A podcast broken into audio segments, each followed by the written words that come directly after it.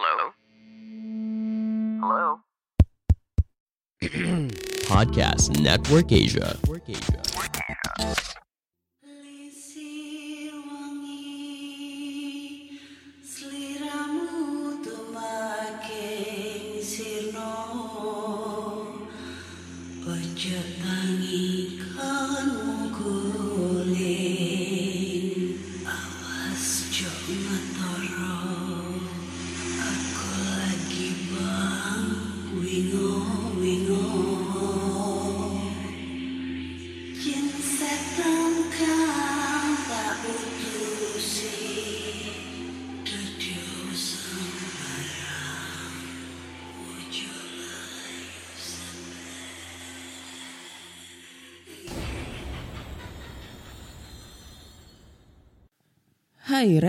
apa kabar Ketemu lagi dengan aku si Ana di podcast kisah horor.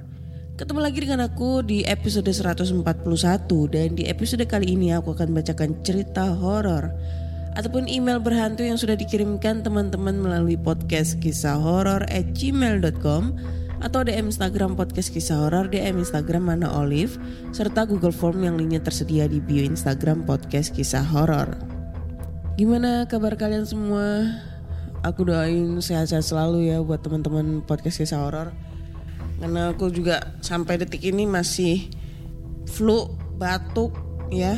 nggak kunjung sembuh-sembuh karena emang cuacanya di Surabaya lumayan ekstrim hujannya gitu. Sehingga membuat mengkanya di di opening itu nggak ada efek-efek ketawa ya. Aduh nggak kuat soalnya mau ketawa juga. Ini aja kalau ngomong juga udah ngap-ngapan banget anjir. Pilek, enak banget sumpah pilek itu. Menyiksaku. Oke, sebelum kita lanjut ke cerita horor dari pendengar podcast kisah horor, nih aku mau sedikit cerita nih. Eh, pengalamanku beberapa hari ini ya. Dua hari inilah lebih tepatnya. Jadi dua hari ini aku sedikit eh kalau pulang kerja apa namanya tidurnya lebih awal.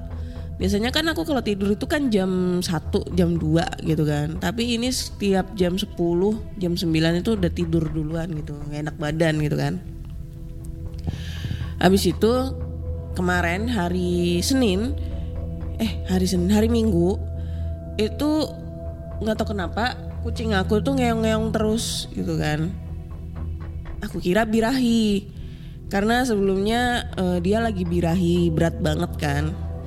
Nah tapi udah aku atasin nih supaya nggak birahi gitu. Akhirnya tenang. Beberapa jam kemudian sekitar jam sebelasan nggak salah ya itu ngeong-ngeong lagi. Tapi ngadepnya di eh, jendela. Karena biasanya kalau dia pengen keluar pengen keluar dari kamar karena emang kucingku ini kan tidurnya di kamar nih kalau dia pengen keluar dari kamar biasanya dia suka nyakar-nyakar pintu gitu sama ngeong-ngeong di depan pintu pengen keluar. Tapi ini tuh dia ngadep jendela yang jendelanya itu ada di atas di atas lah ya. Jendela model ini loh ventilasi ventilasi di atas. Jadi ada kasa nyamuknya gitu. Nah itu. Ya aku pikir biasa aja sih mungkin karena dia pengen efek keluar gitu nggak nggak menaruh curiga apa-apa gitu. Udah tidur dengan nyanyi bla bla bla bla akhirnya keesokan harinya tepatnya hari Senin ini eh, aku pulang kerja sekitar nyampe rumah tuh jam 9 terus cuci muka cuci kaki cuci tangan sikat gigi bla bla ya rutinitas setiap hari. Masuk ke dalam kamar ya kan? Sama kucing aku. Nah kucing aku ini ngeong-ngeong lagi gitu kan birahi nih ceritanya. Lagi birahi berat banget gitu. Nah pas aku marahin kucing aku karena berisik ya dia ngeong. Itu secara nggak sengaja aku ngelihat jendela Jendela atas. Jadi ini eh, aku gambarin lagi ya Kalau kalian udah dengerin eh, ceritaku di episode sebelumnya. Aku tidur di kamar atas Eh, Aku tinggal di rumah ini bertiga doang ya Aku sama orang tuaku Nah orang tuaku tuh tidur di kamar bawah Posisi kamarku kalau aku gambarin secara eh, omongan gini ya. Kamarku tuh ada di sisi pojok kiri, ya kan? Jadi kalau naik ke tangga, jebret, eh, sisi sebelah kanannya itu gudang yang dulu aku pernah ceritain banyak banget gangguan kuntilanak dari sana. Terus habis itu eh, sampingnya tangga, atasnya tangga lah lebih tepatnya itu kamar mandi. Terus habis itu jalan ke sisi kiri itu ruang tengah yang isinya itu lemari-lemari. Ada sekitar tiga lemari lah baju-bajuku sama baju-baju orang tuaku kan.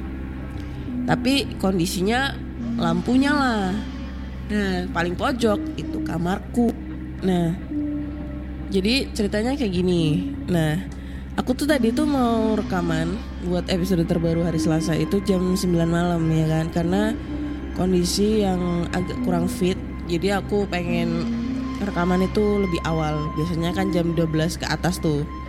Nah lagi mau rekaman nggak mood nih karena kucingku ngeong-ngeong terus. Jadinya hilang konsentrasi takutnya juga eh, terganggu juga gitu. Udah kan aku matiin laptopnya. Terus eh, marahin kucingku. Gitu karena dia ngeong-ngeong terus. Pas aku marahin aku kan ngadepnya kan ke kucingku nih di bawah. Tiba-tiba aku tuh refleks lihat ke atas. Maksudnya ke arah jendela di ruangan sebelah. Eh, lampunya mati itu tapi langsung nyala lagi. Itu ada sekitar satu detik lah. Mati terus nyala gitu kan nggak kepikiran aneh-aneh. Pikirku itu mungkin konslet kali ya gitu lampunya konslet terus udah. Karena nggak berpikiran aneh-aneh tuh soalnya masih ribet banget dengan suara kucingku yang lagi ngeong-ngeong parah tuh kan berisik banget. Dah aku marahin kucingku diem. Terus eh apa namanya ngeong-ngeong lagi kucingku itu kan ngeong-ngeong terus aduh gila kalau lagi birahi gitu ngeongnya bukan main berisik banget gitu kan. Aku marahin lagi itu kucingku. Eh Kitty diem diem. Terus beberapa saat lagi aku refleks lihat ke atas. Lampunya mati lagi terus nyala. Terus aku pikir wah nggak bener nih ini kenapa sih kongslet ya? Tapi aku mikir kan kemarin habis beli lampu gitu loh. Baru ada dua bulanan lainnya aku ganti lampu. Masa iya udah kongslet gitu kan? Padahal kan lampunya baru gitu kan. Eh, mahal ibaratnya itu lumayan lah. Jadi nggak bakalan kongslet gitu loh pikirku kan. Karena kan lampunya pakai Philip gitu kan. Udah selesai. Eh, habis itu ngeong lagi ketiga kalinya kucingku ngeong-ngeong lagi tapi posisinya dia udah ngeliat ke atas jendela ngeong-ngeongnya. Ngeong-ngeong lagi jendela atas terus aku ngeliat ke atas lampunya mati terus nyala. Nah ini yang membuat aku ekstrim adalah pada saat yang ketiga kalinya ini lampunya ny- mati terus nyala lagi itu kedengeran bunyi cetekan lampu di sebelah. Cetek gitu kan keras banget karena emang cetekan aku eh, cetekan lampu aku itu bunyinya lumayan keras gitu. Jadi kedengeran lah sampai sampai kamarku. Udah dong merinding. Terus aku marahin itu kucing. Habis itu aku manggil-manggil pikirku itu mamaku lagi naik ke atas gitu kan. Kalau bapakku nggak mungkin karena bapakku lagi sakit jadi nggak kuat kalau naik ke atas tangga gitu kan. Terus aku manggil mah nggak ada yang nyaut gitu. Kucingku masih ngeliat di atas gitu. Tapi posisinya dia udah nggak ngeong-ngeong lagi tapi ngeliatin ke atas jendela. Nah itu aku inisiatif nih mau ngerekam. Mau tak rekam gitu kan pakai handphone. Siapa tahu lam- mati apa lampunya mati lagi terus nyala. Tak tungguin terus kan sampai 10 menit eh, nggak ada perubahan nggak ada nyala mati nyala mati gitu kan udah pikirku mungkin udahlah kali ya. Mungkin setannya pengen eh, pengen tidur kali lampunya dimatiin gitu. Udah. Terus aku lagi nggak mood banget buat rekaman waktu itu karena kucingku ngeong-ngeong terus akhirnya aku tidur. Tidur jam setengah satu malam kebangun karena kucingku ngeong-ngeong lagi ya kan? Ngeong terus. Nah itu masih setengah sadar tak pikir itu kucingku lagi lapar gitu kan. Ya udah ambil makanan di luar. Eh, di luar depan kamar sebelah gitu kan. Di kamar depan itu kan ada kamarku tuh jemuran gitu loh. Tempat jemuran terus ada meja. Nah makanannya tak taruh situ. Mau tak ambil tak taruh di kamar. Nah pas aku mau buka pintu itu tiba-tiba lampunya mati lagi terus nyala lagi. Anjing nggak niatku mau aku rekam gitu loh biar enak biar ada bukti terus aku share di Instagram gitu kan. Nggak taunya pas nggak direkam dia mulai aktivitas. Giliran direkam dia nggak mau aktivitas. Ya udah langsung masuk kamar gitu kan. Dan sampai saat ini udah nggak ada gangguan lagi sih.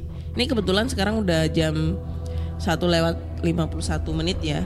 Jadi nggak ada gangguan lagi makanya aku tuh paling seneng itu eh, rekaman untuk cerita horor itu di atas jam 12 malam. Kalau di bawah jam 12 malam itu kayak berasa eh keganggu banget dengan apa ya ngerasa ngerasa parno sendiri gitu loh takut ditakut takutin aneh kan? Padahal sebenarnya aktivitasnya makhluk halus itu jam 12 sampai jam 3 malam, jam 3 pagi gitu loh. Tapi ini jam 12 malam lewat itu malah nyaman gitu kalau dibuat cerita horor. Gak jelas gitu. nah itu udah pokoknya. Udah dua hari ini diganggu sama sosok yang gak jelas gitu ya. Setelah sekian lama terakhir diganggu eh, ketawa akak-akak kuntilanak sekarang diganggu main-mainin cetekan lampu gitu. Oke, langsung aja kita bacakan cerita horor nih. Nah, cerita pertama datang dari Google Form. Judulnya adalah Hantu terlihat melalui infrared. Kamu lagi mau mengembangkan podcast kamu, tapi bingung caranya bagaimana? Mulai dari sisi performance-nya, menentukan rate konten kamu, sampai bagaimana cara memonetisasinya. Nah, coba deh cek Podmetrics. Podmetrics adalah platform yang bisa membantu kamu untuk lebih mudah melihat performa konten podcastmu. Lalu melalui Podmetrics, kamu juga bisa menentukan rate podcastmu melalui data yang tersedia. Serta bisa juga memonetisasi kontenmu dengan champion-champion dari brand yang cocok dengan podcastmu. Bahkan, Podmetrics juga bisa membantumu untuk mendapatkan inspirasi dalam membuat iklan pada podcastmu dengan contoh iklan yang sudah tersedia. Nggak ketinggalan juga, sekarang Podmetrics juga ada fitur Pod Earnings dengan berbagai metode pembayaran. Sehingga memudahkan kamu untuk mendapatkan penghasilan dari Podmetrics. Jadi, kalau kamu seorang podcaster, pastikan kamu mendaftar Podmetrics dengan memakai Podmetrics referralku. Klik langsung aja pod link yang ada di deskripsi box dalam episode ini. Oke. Halo Mbak Ana. Ini adalah salah satu kisah horor yang saya alami. Sebut saja nama saya Alan. Saya akan berbagi kisah horor saya. Waktu itu, saya masih menjadi OB di sebuah perkantoran daerah Cengkareng. Gedung tersebut mempunyai lima lantai. Seperti biasa, tugas OB membersihkan seluruh area ruangan yang telah diberikan dari koordinator. Waktu itu saya diberikan tugas untuk membersihkan area lantai 4 ruangan meeting besar dan lantai 3 ruangan karyawan karyawan bekerja. Tidak ada firasat apa-apa yang bakal terjadi saat itu. Eh, saya bekerja dari pagi hingga sore. Setiap jam 5 sore seluruh karyawan pulang yang berada di lantai 3. Namun ada beberapa supervisor yang masih lembur untuk menyelesaikan tugas. Otomatis saya menunggu untuk membersihkan ruangan yang digunakan oleh SPV tersebut. Sembari menunggu, saya membersihkan ruangan meeting yang di lantai 4. Ruangan meeting tersebut memiliki kode akses menggunakan nomor PIN. Dan ketika kode PIN benar saat diinputkan, maka pintu kaca otomatis akan terbuka bergeser otomatis karena menggunakan automatic sliding door. Sliding, sliding, sliding, slebel. Langsung saya masuk dan menyalakan lampu yang warm saja. Lalu membersihkan seluruh area ruangan meeting. Karena sekitar jam 3 sore ada meeting tadi. Dan bekas makanan dan minuman masih banyak tergeletak di meja meeting. Baru juga masuk sudah merasa ada yang berdiri di pojokan. Dan tiba-tiba bulu kuduk saya merinding. Langsung aku bergegas untuk membersihkan saja. Selesai sudah akhirnya saya membersihkan area meeting. Buru-buru saya ambil kantong plastik penuh sampah untuk dibawa keluar. Saat keluar, pintu akan otomatis terbuka karena terlihat oleh infrared. Sembari mematikan lampu dan pintu pun tertutup otomatis kembali. Saat saya meletakkan kantong sampah dekat lift untuk mematikan lampu toilet, tiba-tiba pintu otomatis ruangan meeting terbuka lalu menutup kembali. Seketika sekujur tubuh seperti kesetrum. Merinding, langsung saya lari ke lift buru-buru saya tekan untuk buka lift. Dan area meeting sudah gelap karena saya matikan lampu utama lantai 4. Tiba-tiba terbukalah kembali pintu otomatis ruangan meeting, lalu menutup lagi, dan itu dua kali. Ah gila dalam pikirku, nggak bener sih ini. Apa iya Jin bisa kedetek sama infrared pintu otomatis yang di dalam ruangan meeting? Saat pintu lift sudah terbuka, langsung saya masuk ke dalam lift dan menuju lantai tiga. Sampailah di lantai tiga dan lanjut bersih-bersih di lantai tiga. Beruntungnya masih ada SPV yang lembur jadi ada temen. Saya masih kepikiran setan di lantai 4 kok bisa ke detect sama infrared ya. Oke, itu saja teman-teman cerita horor saya kali ini. Masih ada banyak kejadian yang saya alami di kantor tersebut. Lain waktu saya akan ceritakan lagi seperti saklar lampu menyala dan mati sendiri, diikuti hantu jembatan, dan salah satu karyawan mengalami kakinya dipegang makhluk halus. Terima kasih Mbak Ana sudah membacakan cerita horor saya dan minta maaf mungkin tulisannya kurang rapi dan tidak seram. Oke, thank you Mas Alan buat cerita horornya ya. Ini nggak kepikiran dia yang terakhir dia bilang peng- mau cerita tentang pengalaman horor yang saklar lampunya nyala terus mati sendiri padahal barusan aku cerita nih tentang kejadian saklar lampu di rumah aku mati nyala mati nyala gitu ya. Kok sama gitu? Oke mari kita komentar tentang ceritanya Mas Alan nih ya. Aku nggak tahu kalau setan itu bisa kedetek infrared ya, nggak ngerti.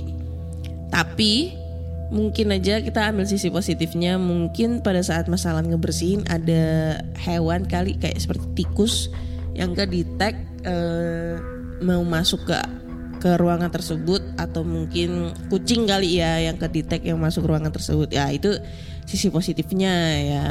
Nah sisi negatifnya ya mungkin saja ada sosok eh, yang tak terlihat yang melintas gitu yang goda-godain buat eh, mainin pintu tersebut ya pintu otomatisnya sliding doornya buat nakut-nakutin masalah. Nah itu sisi negatifnya sisi positifnya mungkin ada se- se- sesuatu lah yang lewat di situ bisa jadi hewan gitu kan. Ini menurutku serem banget ya karena aku udah ngomong berulang-ulang kali. Cerita pengalaman horor di kantor itu seremnya banget dibandingkan cerita horor yang ada di sekolah. Beneran dah.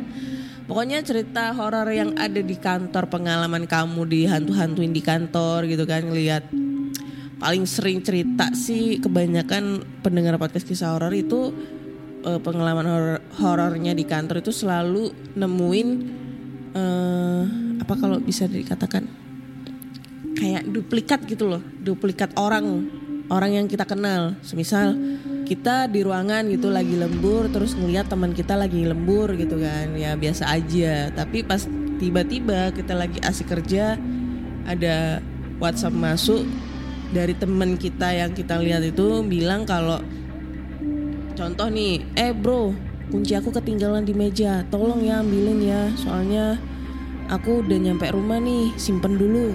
Nah itu pas udah dibaca ternyata eh, yang ditemuinnya tadi di ruangan tersebut adalah sosok hantu yang menyerupai temen-temennya. Nah itu sering banget terjadi dan sering banget diceritain di podcast kisah horor.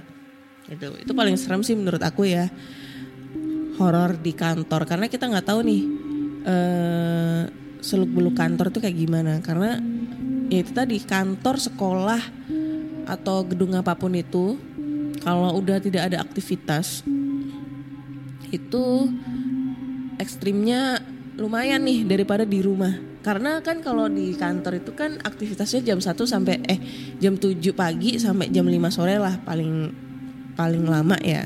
Setelah itu nggak ada aktivitas kecuali lembur. Lembur pun juga satu dua orang. Nah itu ruangan-ruangan yang kosong itu di jam-jam tersebut itu menjadi salah satu eh, lokasi yang sangat menarik buat mereka untuk beraktivitas nah itu. Makanya kebanyakan gedung-gedung kayak eh, kantor sekolah itu kebanyakan horor gitu ya. Banyak banget kejadian-kejadian horor di sana karena ya itu tadi aktivitasnya itu cuma sampai sore. Nah sore sampai dini hari sampai pagi itu jam 6 itu sudah nggak ada aktivitas dan itu menjadi aktivitasnya mereka di situ. Ya layaknya kehidupan sehari-hari manusia gitu. Dia kayak apa ya mungkin dia lagi bikin laporan kali setannya eh, kuntilanaknya bikin laporan hari ini udah mencapai target belum? Nakut-nakutin manusia. Atau mungkin si tuyul udah capek target belum? Eh, nyolong duit? Nah itu. Jadi kejawab ya kenapa eh, lokasi-lokasi perkantoran ataupun sekolah eksistensi eh, makhluk gaibnya itu lebih lumayan dibandingkan lokasi-lokasi seperti rumah rumah sakit atau apa pun. Eh kalau rumah sakit sih lumayan ya karena emang di situ eh, banyak terjadi sesuatu hal yang tidak diinginkan seperti orang meninggal dalam keadaan sakit, orang kecelakaan gitu dibawa ke sana atau mungkin di situ juga ada ruang jenazah. Nah itu. Oke, kita lanjut ke cerita berikutnya ya. Cerita berikutnya ini datang dari email. Ini datangnya dari eh, pencerita sebelumnya ya karena ini memang nggak mau diceritain eh nggak mau diomongin dibacain namanya jadi ini aku kasih clue dia yang kirim cerita tentang pengalaman horor di rumah dinas waktu bapaknya lagi dinas gitu ya anak kolong gitu kirim cerita lagi gitu ya Nih. Judulnya adalah Dikeroyok Hantu Rumah Belanda. Ini kayaknya masih sekitaran rumah kompleknya dia ya. Halo Kak Ana, nama aku jangan dibaca kali ya. Eh, jangan dibaca ya kali ini. Aku dari Bandung. Ini cerita kedua yang aku kirim ke podcast kisah horor. Aku kirim dalam waktu yang berdekatan. Lagi ada sedikit waktu sebelum ngerjain tesis. Wih gila. Dan aku pengen aja share cerita horor yang langsung dibacain di podcast ini. So, podcast kisah horor jadi podcast pertama yang aku bagi cerita horor ini. Waduh, thank you ya. Thank you banget. Sebelumnya di cerita pertama aku udah ceritain lokasi aku tinggal. Dan cerita ini adalah cerita langsung dari mantan tetanggaku Sewaktu aku tinggal di kompleks dinas di Parongpong. Cerita ini sekitar tahun 2011 sampai 2012. Aku lupa. Buat geger banget semua orang yang ada di kompleks. Mulai dari kompleks depan sampai atas. Jadi tetangga aku ini sebut saja namanya Tante X. Orangnya baik banget dan dia bisa melihat berkomunikasi dan bisa ngapa-ngapain sama mereka. Tanda kutip nih ya. Tante X dan suaminya ini baru dipindah tugaskan dari Jawa Timur. Kebetulan mereka akan tinggal di sebelah rumahku. Tapi pada saat itu rumahnya belum selesai direnovasi karena kotor, banyak bolong dan tidak lama diisi. Akhirnya tante X ini tinggal di guest house. Guest house ini udah lama kosong. Ya karena jarang diisi dan biasanya hanya untuk tamu sekelas pejabat yang nginap di situ. Lokasinya ada di sebelah kolam ikan tua. Untuk lebih jelas lihat gambar yang aku kirim ya. Gambar apa anda? Oh Google Map. Guest house ini bangunan Belanda juga dan gelap banget karena ada pohon-pohon rindang tinggi. Ada ayunan juga dan ada cerita horor juga yang bakal aku ceritain di kesempatan lain. Aku jujur pernah dan sering banget masuk ke situ. Karena ya ibuku sering kumpul sama ibu-ibu lain di situ. Perkumpulan istri prajurit yang biasa disebut persit gitu ya. Pengalaman aku masuk ke rumah itu mencekam walaupun siang hari. Rumah itu gelap, gak tahu kenapa, lampu dinyalakan saja tetap gelap. Aku merasa sangat was-was seperti ada yang mengikuti dan melihat ke arahku. Oke, lanjut ke cerita Tante X. Ceritanya malam itu malam Jumat. Dan Tante X ini menginap di situ sementara sampai rumah sudah siap diisi. Sedangkan suaminya sedang piket di kantor atas dekat kandang kuda. Jadi bisa dibilang Tante X ini sendirian di guest house tua dan besar itu. Biasanya di masjid depan rumahku itu selalu ada yasinan dan selesai jam 9 malam. Malam itu Tante X sendirian dan dia belum sholat isya.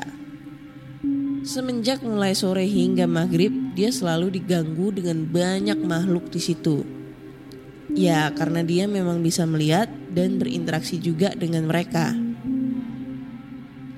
Tante X ini sholat isya kemalaman, hampir jam 11 malam. Jujur katanya Tante X, walaupun dia bisa melihat, ya dia takut juga dengan mereka. Apalagi kalau wujudnya kurang bagus, kurang enak dilihat atau jahil bahkan jahat. Tante X mengambil air wudhu di toilet di dalam kamar. Semenjak mulai awal sholat, banyak sekali yang sudah mulai mengganggunya. Mulai dari menampakkan wujud di samping, depan, hingga berlari-lari di sekitar dia. Puncaknya pada saat Tante X setelah rukuk dan mau sujud, ketika hendak bangun dari sujud, Tante X merasa berat seperti ada yang menaiki di punggungnya. Tante X juga mendengar suara anak kecil perempuan tertawa kecil berlarian di dalam kamar. Suara ketawa Miss Kuntilanak yang berwujud seperti noni Belanda dan dia memaksakan untuk bangun dari sujud. Yang dia lihat adalah sosok pocong tinggi besar hitam duduk di atas punggungnya. Tante X langsung menangis ketakutan karena segerombolan hantu itu mengganggu melebihi batas. Akhirnya Tante X mencoba menelepon suaminya yang sedang piket dan suaminya bergegas pulang sebentar dari piketan dan datang ke guest house. Ketika suaminya datang, Tante X benar-benar ketakutan tapi merasa lega. Akhirnya pada saat itu juga suami Tante X menghubungi rekan kerja dan perkumpulan di masjid untuk langsung datang ke guest house. Banyak sekali bapak-bapak dan ustadz haji yang datang dan akhirnya mereka menggelar yasinan dan membaca banyak doa di guest house itu. Setelah pengajian itu Tante X merasa sedikit tenang. Tetapi mau tidak mau tetap tidur di guest house itu hingga besok pagi. Cukup sekian kak cerita aku yang kedua. Aku mencoba untuk singkat dan langsung ke intinya. Jujur masih banyak banget cerita horor yang aku punya. Secara aku tinggal kurang lebih 12 tahun di daerah perumahan dinas ini. Makasih kak sudah dibacakan. Kabari aku ya kalau emailku sudah dibacakan oleh Kak Ana. Oke, thank you banget untuk cerita keduanya ini. Eh, Sebenarnya cerita pertamanya juga lumayan keren sih ya. Tapi ya mohon maaf banget kalau yang episode lalu cerita pertama agak sedikit kurang nyaman nih ngebacainnya karena emang posisinya aku ngebacainnya siang hari banyak banget gangguan-gangguan suara-suara goib ya seperti suara anak kecil, suara motor lewat gitu. Soalnya semalamnya itu aku malamnya itu aku udah rekaman sebenarnya, cuma nggak tahu kenapa pas mau aku kirim laptopnya mati gitu, mati pet pet pet. Kukira itu eh, baterainya habis. Tapi pas aku cas aku nyalain nggak bisa gitu, nggak taunya pas aku bawa ke sekolah itu eh, kena apa gitu softwarenya atau apa gitu. Tapi ini alhamdulillah udah bener lagi gitu. Lalu ditambah cerita kedua ini lumayan serem ya eh, tentang pengalaman si tante X ini diganggu sosok-sosok yang berada di sana. Dan kebetulan di guest house tersebut eh, lokasinya lumayan angker, sepi, tidak ada pengunjung sama sekali. Dan bangunannya ini bangunan Belanda gitu. Jadi kerasa banget horornya kayak gimana. Dan aku agak sedikit iri dengan tante X ini karena dia bisa melihat sosok-sosok hantu. Karena saya udah mencoba untuk eh, melihat sosok hantu tapi nggak bisa gitu ya. Sudah berbagai cara bagaimana caranya bisa melihat hantu tapi tetap nggak bisa? Atau mungkin eh, hantunya ini takut melihat muka aku ya? Sehingga pada saat papasan ketemu aku hantunya pergi kabur gitu. Alhasil aku nggak bisa ngeliat hantu. Tapi yang ada cuma diganggu-ganggu doang kayak cetek-cetek lampu, suara ketawa dan lain-lain gitu. Ya udah biasa sih kalau misalnya di lokasi asrama gitu ya, asrama asrama militer. Eh, maksudnya dalam arti rumah dinas lah ibaratnya ya rumah dinas itu eh, angker ya karena kebanyakan rumah dinas itu em, bangunannya masih bangunan lama nih, bangunan-bangunan zaman-zaman kolonial Belanda gitu kan. Ya yang sebelumnya aku pernah cerita kalau dulu juga aku pernah tinggal di rumah dinas waktu bapakku masih dinas ya.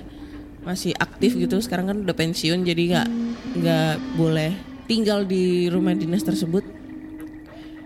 Jadi kerasa banget lah horornya kayak gimana apalagi di lokasi tersebut itu kalau di tempat aku ya dulu zaman dulu ya kalau sekarang kan masih udah rame tuh nah dulu itu tahun 90-an tuh sepi gitu sepi banget nggak ada orang jadi jam 7 malam itu udah sepi banget karena emang zaman dulu itu nggak serame sekarang kalau dulu tuh belum ada flat belum ada flat-flat gitu rumah susun itu untuk anggota-anggotanya tinggal jadi itu eh, rumahnya itu kayak rumah-rumah biasa, rumah-rumah pada umumnya, perumahan gitu, cuma kecil dan di satu sisi lain em, ini sepi gitu. Apa ya? Maksudnya dalam arti cuma hanya bisa dihitung dengan jari kepala keluarga yang tinggal di situ gitu, nggak nggak ramai kayak dulu.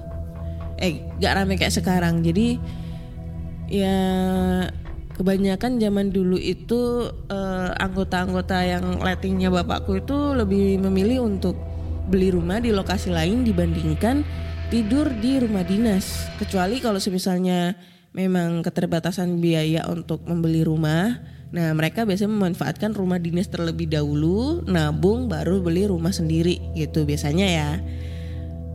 Tapi karena emang lokasinya angker, lokasinya juga agak sedikit lumayan lah, lumayan sepi banget. Jadi mereka memutuskan untuk tidak tinggal di situ. Nah ini masih ada sih rumahnya itu. Kalau kalian orang Surabaya dan salah satu pendengar podcast kisah horor ini tinggal di daerah Armatim ya, Armatim Armada 2. Nah kalau kalian tahu Pokoknya kalau ada yang lokasinya di situ, kalian coba deh cari. Nah, namanya Pasiran, Gang Pasiran 1. Itu lokasinya ini armada armada terus belakang itu ada PT PAL nah ada Denma Rumjab itu rumah jabatan nah itu di depannya Rumjab itu sebelahnya pom bensin itu ada rumah-rumah dinas zaman dulu gitu itu masih ada sampai sekarang cuma jarang banget ada orang yang nempatin di situ gitu nah itu salah satunya dulu ada rumah bekas eh, bapakku tinggal sekeluarga gitu Oke, kayaknya cukup sekian dulu cerita horor kali ini. Udah ada dua episode yang aku ceritain karena emang eh, tadi udah ketambahan cerita dari aku ya. Pengalaman dua hari ini diganggu sama cetek-cetekan lampu. So buat teman-teman semua yang pengen berbagi cerita horor atau pengen eh, cerita horornya dibacain, kalian bisa langsung aja kirim ceritanya ke podcast kisah horor at gmail.com atau Google Form yang linknya tersedia di bio Instagram Podcast Kisah Horor. Jangan lupa follow Instagram Podcast Kisah Horor dan jangan lupa follow Podcast Kisah Horor di Spotify, Google Podcast, Apple Podcast atau di Anchor serta di Noise karena Podcast Kisah Horor sekarang udah bisa didengerin di Noise. Terima kasih udah dengerin podcast Kisah Horor sampai detik ini. Sampai jumpa di episode berikutnya. Bye bye.